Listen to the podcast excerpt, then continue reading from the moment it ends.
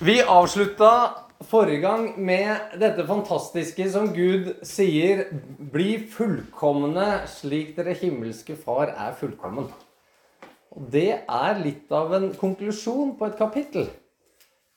Og så er det akkurat som vi blir løfta opp til noen voldsomme høyder her i slutten av kapittel 5. Bare for de blir dratt rett ned igjen i virkeligheten her i kapittel 6.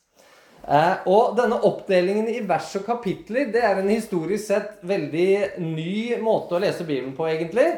Eh, det var midt på 1300-tallet at Det gamle testamentet ble delt inn i kapitler.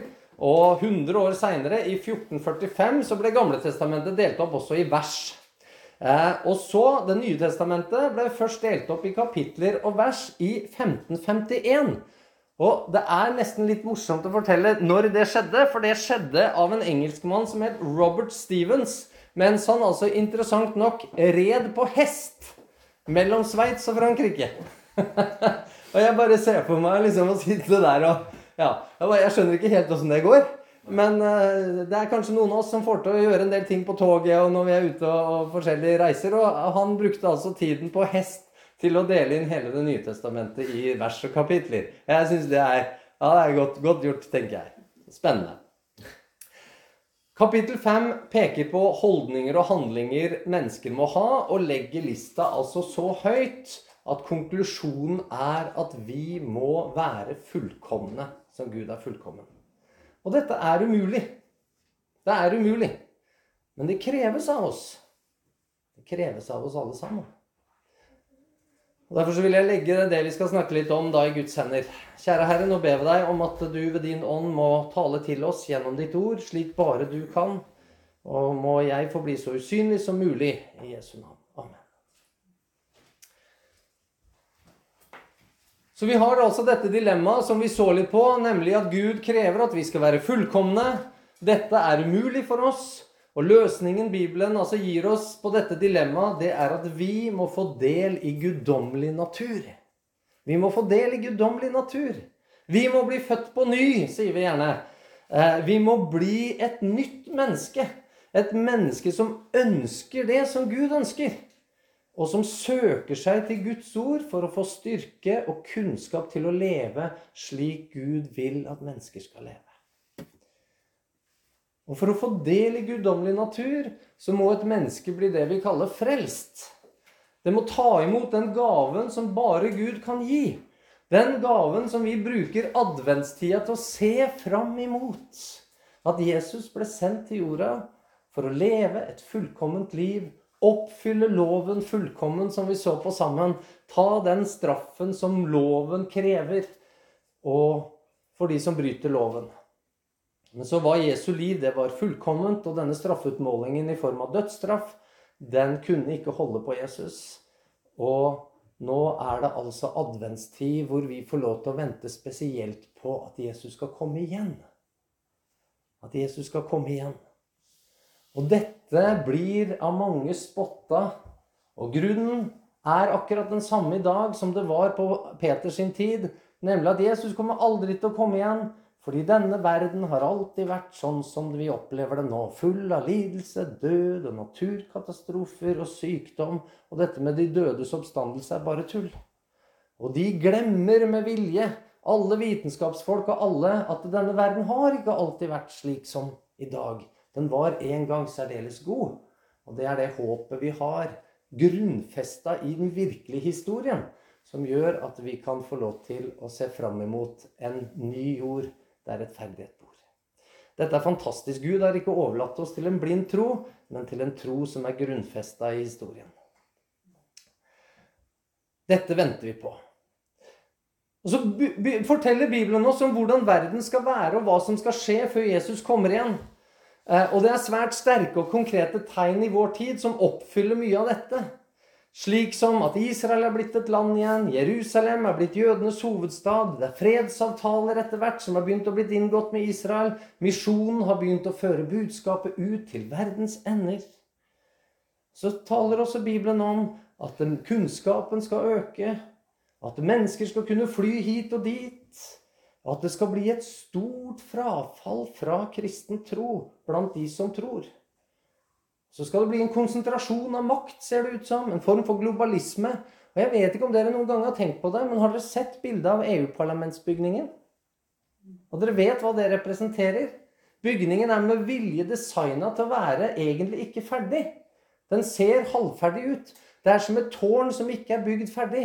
Og det er ikke et hvilket som helst tårn. Det er Babels tårn som er modell for det.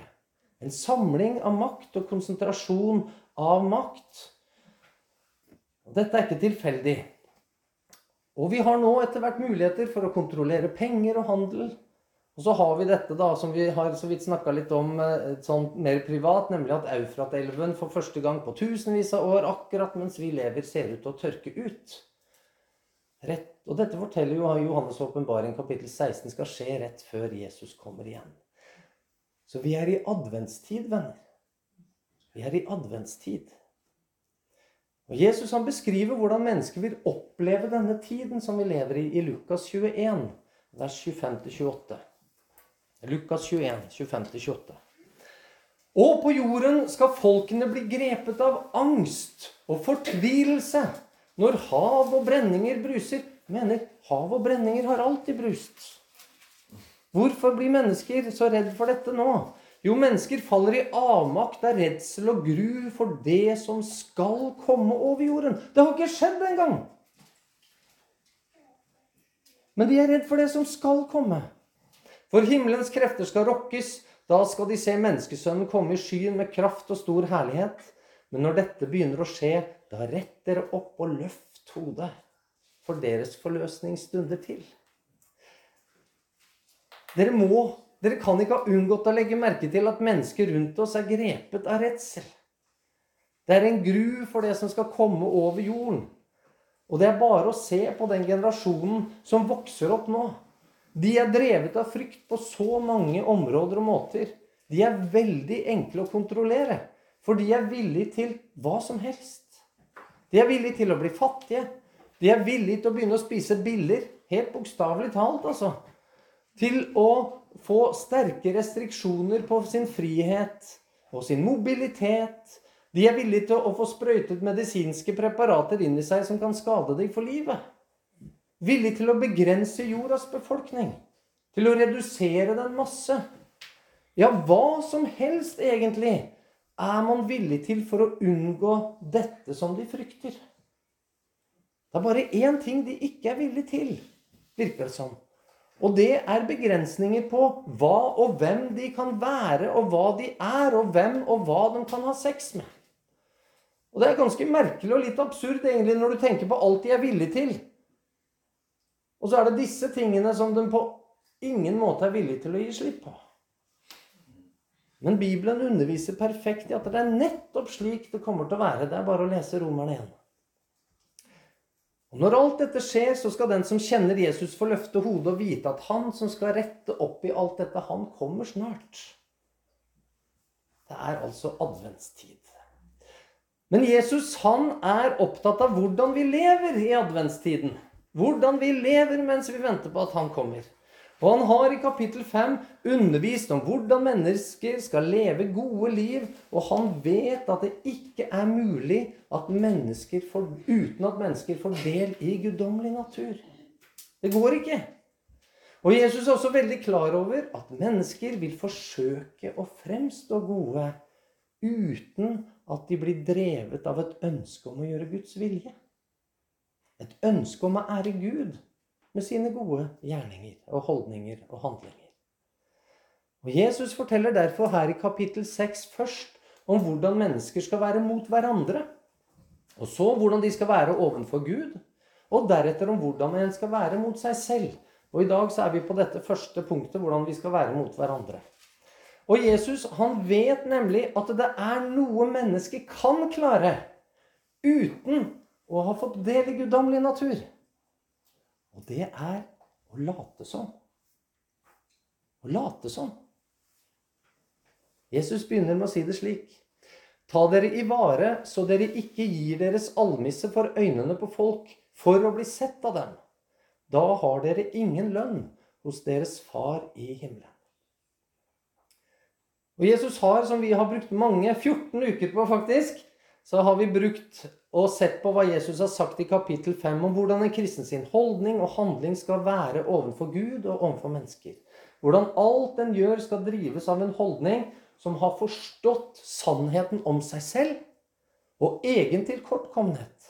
Som sørger over urenhet og urett i seg selv og i verden. En sannhet som gjør mennesket ydmykt og ikke arrogant. Og som gjør at et menneske hungrer og tørster etter sannhet og rettferdighet. Etter samfunn med Gud. Og dette vil føre til gode gjerninger. Det har vi sett masse på.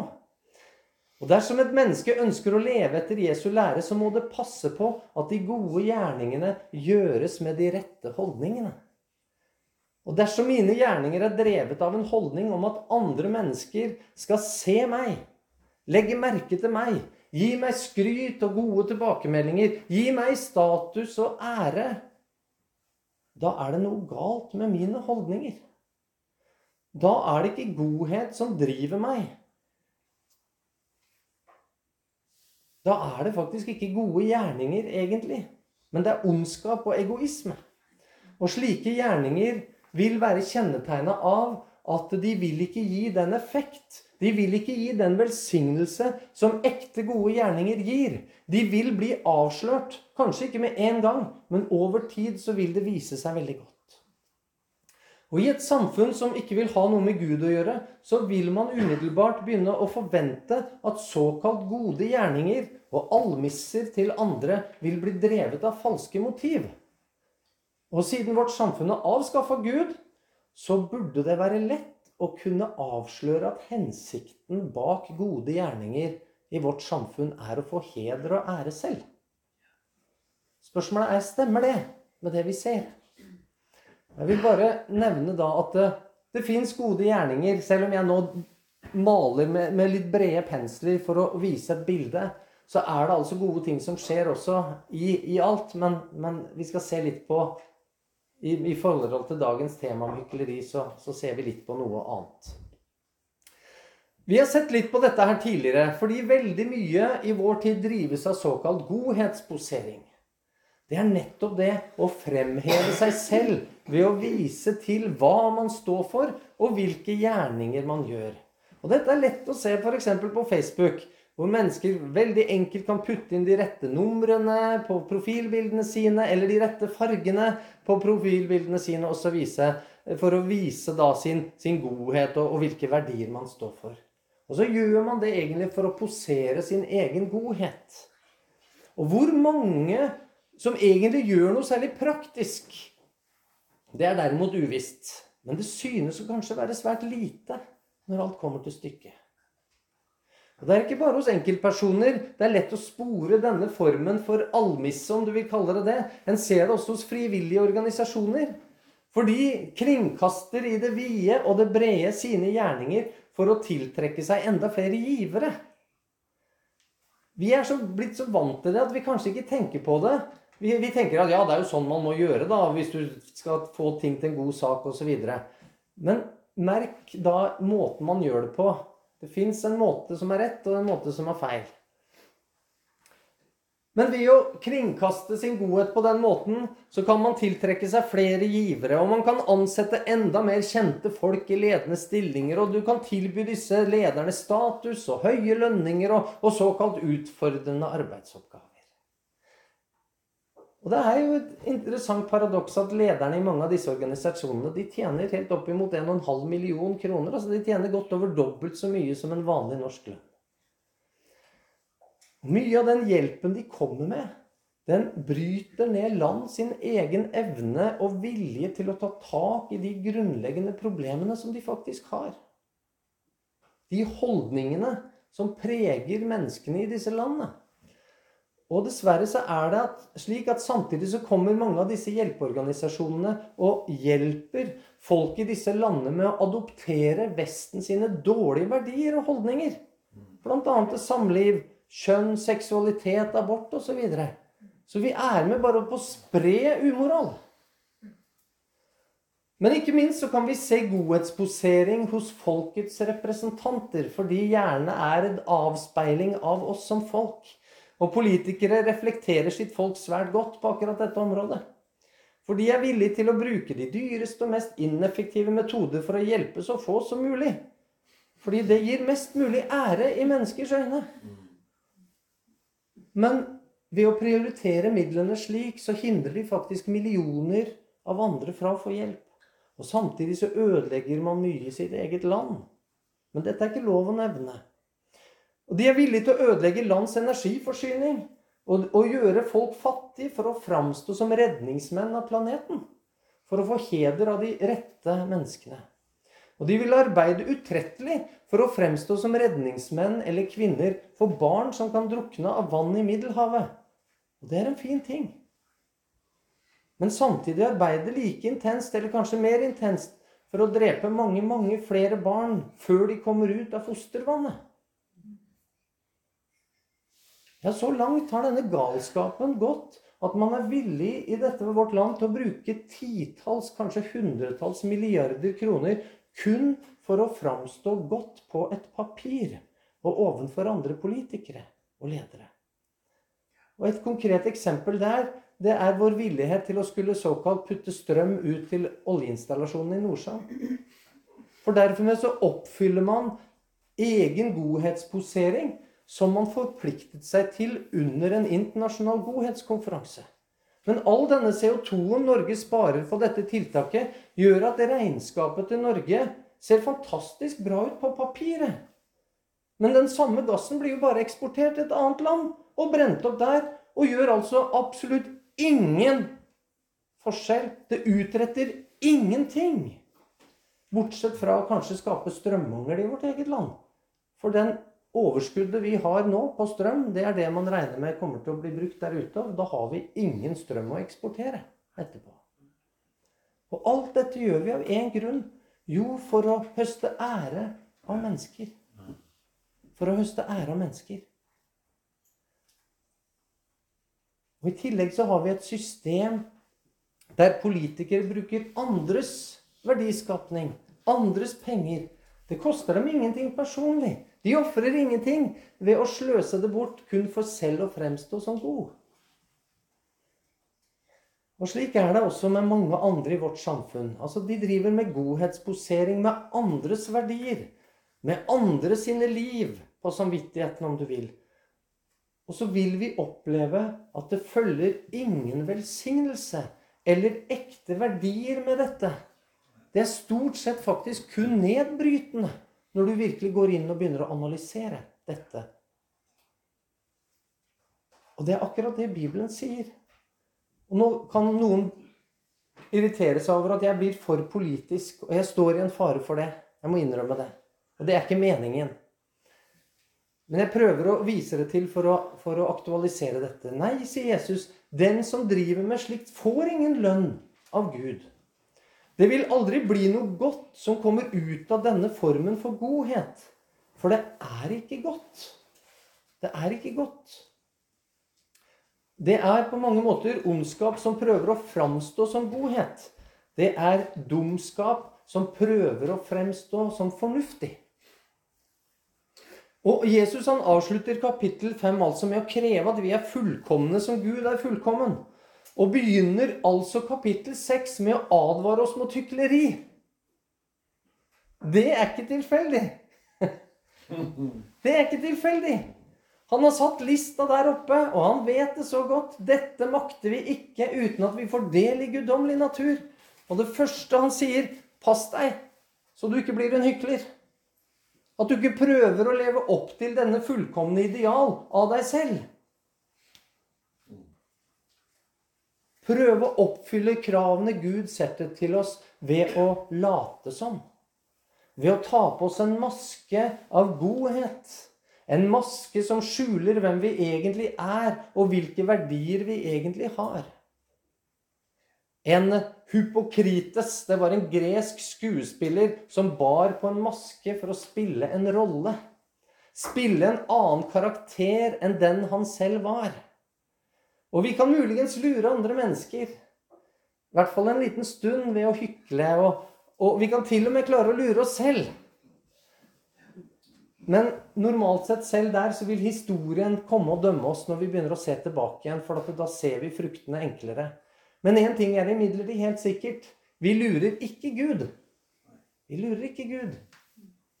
Når du gir almisse, skal du ikke gjøre det kjent med basun, slik hyklerne gjør i synagogene og på gatene for å bli æret av mennesker. Sannelig sier jeg dere, de har alt fått sin lønn. Når, når, vi gjør gode gjerninger og hjelper andre mennesker, for det skal vi gjøre Det er ikke snakk om om du gir almisse, det er når du gir almisse. Det er ikke om du gir almisse, det er når du gir almisse. Vi skal hjelpe.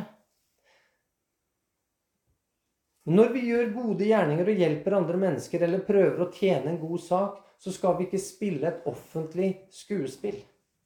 Og datidens offentlighet var der folket samlet seg, i synagogene eller på gatene. Og vår offentlighet er ikke så mye på gatene, spesielt ikke på vinteren. Her er det sånn med naboene at jeg ser dem et halvt år av gangen, og det siste neste halvår så ser vi de knapt. Da trekker vi oss inn i husa. Sånn er det i Norge. Men vår offentlighet den er gjerne der i media og på Facebook og, og på internett. da. Sånne type ting. Og vi skal ikke altså kringkaste disse tingene på Facebook eller andre plasser. Vi skal ikke gjøre det viden kjent for å skaffe oss flere givere eller mer ære og berømmelse. Og vi trenger det heller ikke, fordi vi stoler på en som er rik nok. At vi bruker egne verdier, egne penger og egen tid, det er helt åpenbart. Det er en selvsagt ting. Vi stjeler ikke andres verdier og penger og tid for å fremstå god selv. Gjør man det, har man allerede fått sin lønn. Hva betyr det?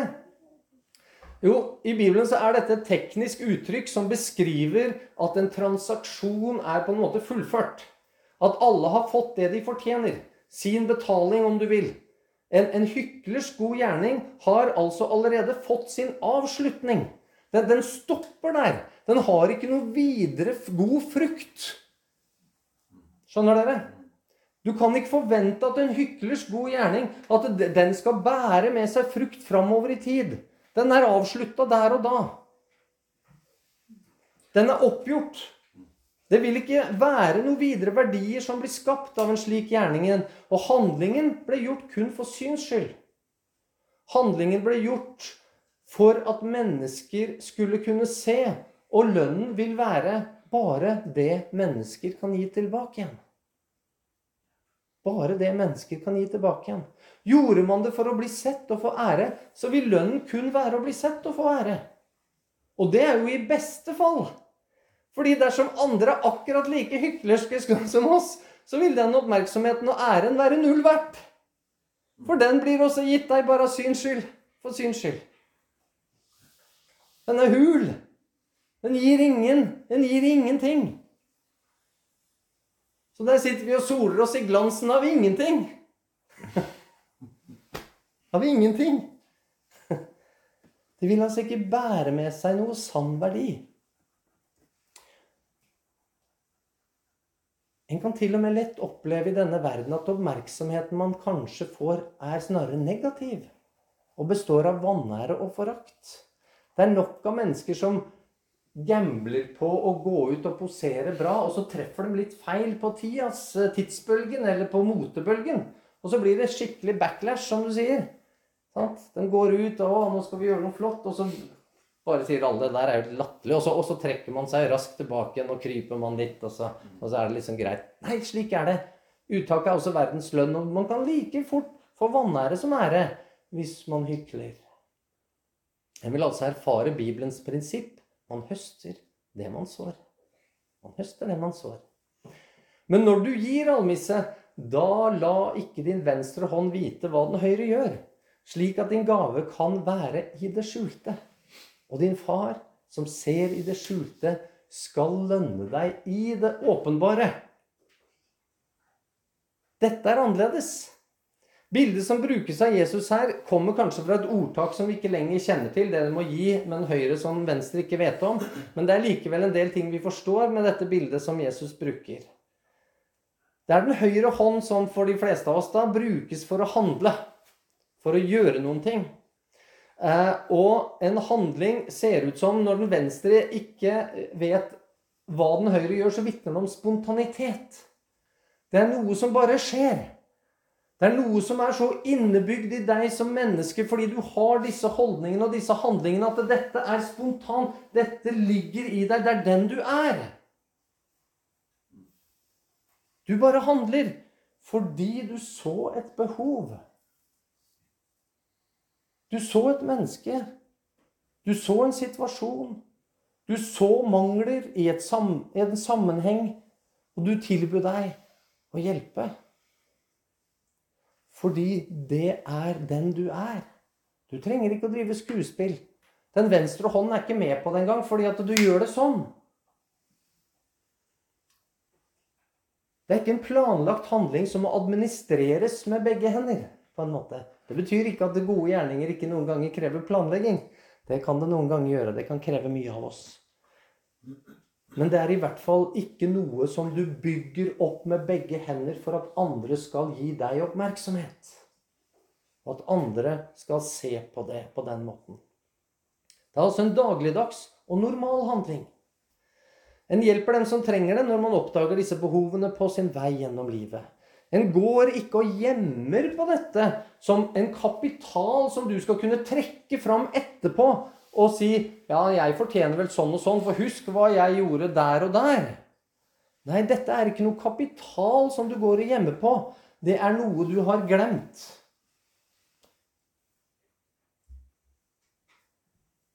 Hvilken takknemlighet som måtte komme fra mottaker av denne hjelpen, er ikke viktig. En gjør det fordi Gud har bedt oss om å hjelpe hverandre, og eventuell utakknemlighet er ikke vårt tap. Det får ikke ta bort noe av vår glede, for vår glede er i Kristus. Det eneste som taper på det, det er eventuelt mottaker. Han taper stort på det. Men vi, vi taper ingenting. Når man gjør gode gjerninger for Guds skyld, så blir lønnen og ringvirkningene helt annerledes enn hykleres gode gjerninger. De vil som sagt resultere i ingenting, og vil ofte tvert imot virke nedbrytende og skadelig for folk og samfunn. Gud vil derimot komme inn med sin rikdom og begynne å lønne sanne, gode gjerninger. Gjerninger som gjøres nok i det skjulte, men gode gjerninger kan umulig skjules i lengden. Det går ikke. Og dette vitner Bibelen veldig tydelig om, og det har vi sett på i det Jesus sier det i kapittel 5, når han sier det slik. Slik skal dere la lyset deres skinne for menneskene, så de kan se de gode gjerningene dere gjør, og prise deres Far i himmelen. Sanne, gode gjerninger kan ikke skjules. Og jeg undrer meg hvor er disse gjerningene i vårt samfunn? Hvor er de? De synes borte. Og det sier veldig mye om det som kaller seg kristent. Og jeg tror dessverre at det, det meste som kaller seg kristent, ikke er det. At det er dødt. Det at de kristne er like villige til å kaste seg på godhetsposeringen som samfunnet for øvrig, og er like villig til å stjele fra noen andre for å gi til noen tredje, tyder på at det er lite igjen av sant kristenliv i vårt folk. Gode gjerninger har altså en hensikt. Det er å lede menneskers oppmerksomhet bort ifra oss selv og over mot Herren. Når det skjer, så begynner Gud altså å lønne det som skjedde i det skjulte, men han lønner det i det åpenbare. Da begynner vi å snakke om avkastning, venner. Da begynner vi å snakke om renter. Ja, renter på innskudd i den himmelske bank. For vi er kalt til å samle oss skatter i himmelen.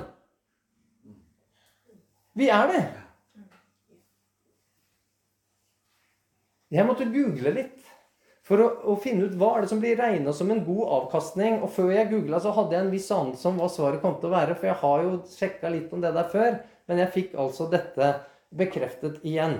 Og svaret det var at hvis du kan få 7% avkastning per år, så blir det regna som en god investering. Og jeg syns det er litt interessant at det nettopp er tallet 7 i en bibelsk setting. Men det betyr uansett at får du 7% avkastning i gjennomsnitt per år, så vil din investering ha doblet seg i verdi på ti år. Det er det det betyr. Og nå vet jo jeg at han som skapte matematikken, kan det bedre enn noen andre. Og derfor så er det interessant å begynne å se på Guds regnestykke når han skal gi lønn. Hvordan er det Guds regnestykke i forhold til lønn er? Jo, disiplene de lurer på hvor mye lønn de vil få. De som har investert hele sitt liv i Guds rike. Og Jesus svarer dem slik i Markus kapittel 10. Sannelig, sier jeg dere, bare for å virkelig understreke. Hør etter. Dette er sant. Dette er virkelig. Det er ingen som har forlatt hus eller brødre eller søstre eller mor eller far eller barn eller åkrer for min skyld og for evangeliets skyld. Intet menneskelig, intet materielt. For evangeliets skyld. Uten at han skal få hundrefold igjen. Hundrefold igjen. Og det er her i tiden.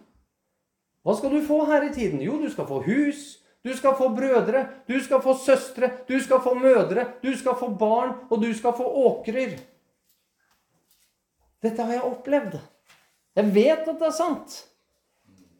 For idet det begynte å koste meg å leve som kristen og fortelle sannhet, så mista jeg stort sett det jeg hadde av menneskelige venner osv. Og, så og så har Gud bare øst på med nye brødre, med nye søstre og med utvidede landområder, om du vil si det i overført betydning.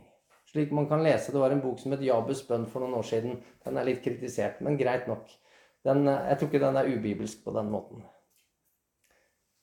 Men sammen med forfølgelser. Det har jeg også fått. Det har jeg også fått. Og i den kommende verden evig liv. Vet du at for å få hundrefold igjen av en god investering menneskelig sett, så tar det 66 år. Jeg elsker den matten. Det er omtrent maksimalt av hva et menneske gjennom kirkehistorien har kunnet forvente seg å leve. Rent sånn gjennomsnittlig levealder, altså. Og det er maksimalt av hva du som menneske i vår tid kan forvente å være produktiv. Altså ha noe å investere. Å arbeide og investere i 66 år, eller mer enn 66 år, det er omtrent bare sånne sånne som Olav Thon og Warren Buffett som klarer. Og det er kanskje grunnen til at de lever lenge, er jo nettopp fordi at de ikke setter seg ned og blir pensjonister. Og takk Gud, det er ingen pensjonsalder i Guds rike. Vi kan være produktive svært lenge.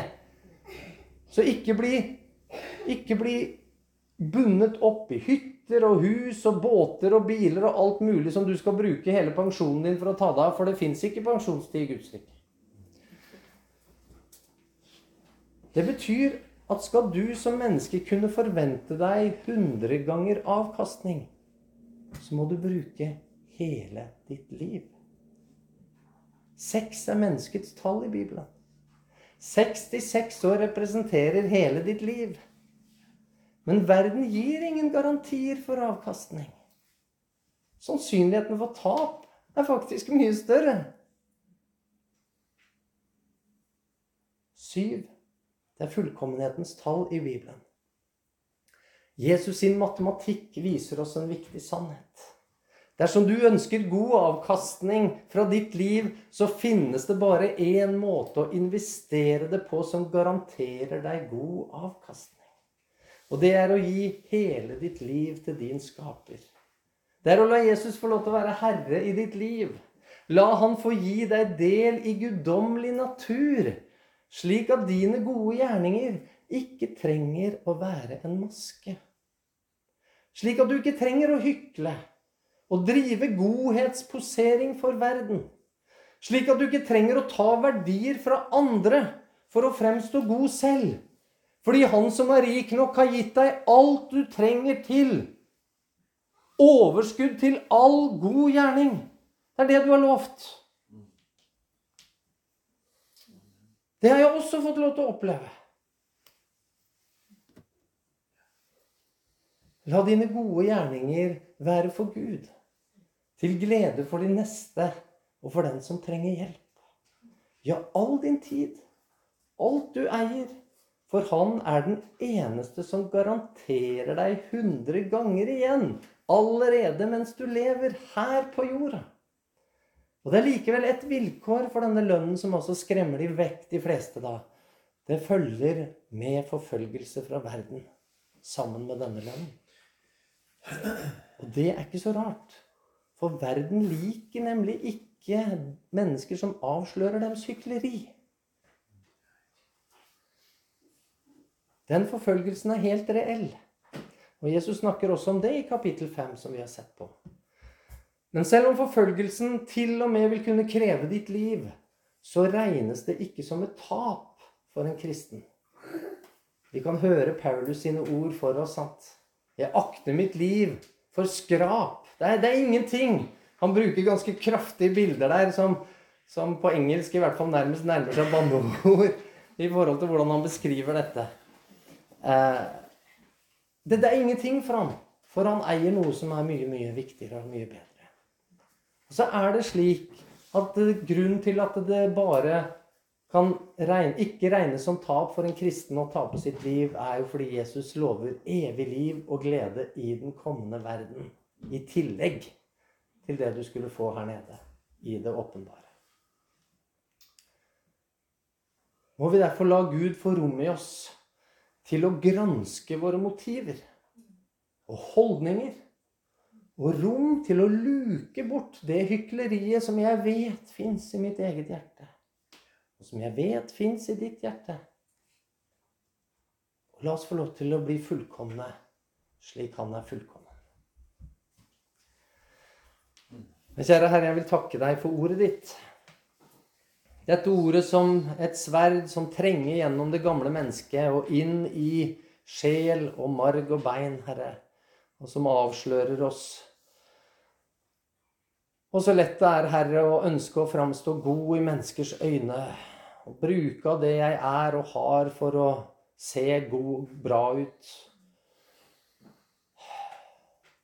Og Jesus, du viste oss hvordan dette henger sammen. Du bøyde deg ned til de som ingenting var som ikke ga noe status å tenke på, til de menneskene som verden forakta.